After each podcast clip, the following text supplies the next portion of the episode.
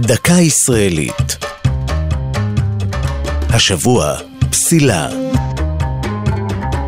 והפעם, שירים ברדיו. נערת רוק של ריק יגאל, יחזקאל של החלונות הגבוהים והסלע האדום ששר אריק לביא הם דוגמאות בולטות לשירים שנאסרו במשך השנים להשמעה ברדיו. אין הם היחידים.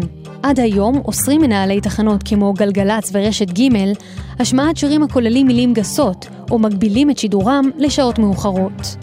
בעבר אף נפסלו לשידור שירים ובהם טעויות עברית, והזמרים נשלחו לאולפן כדי להקליט את שיריהם מחדש.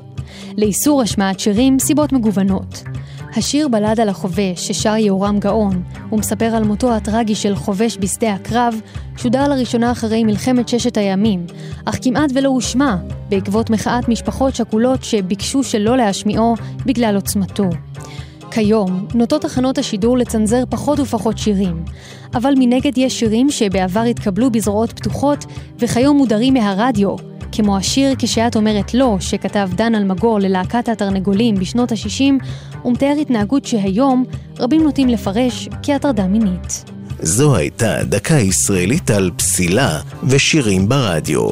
כתבה תמר ליכטינגר, ייעוץ הפרופסור גבי ויימן.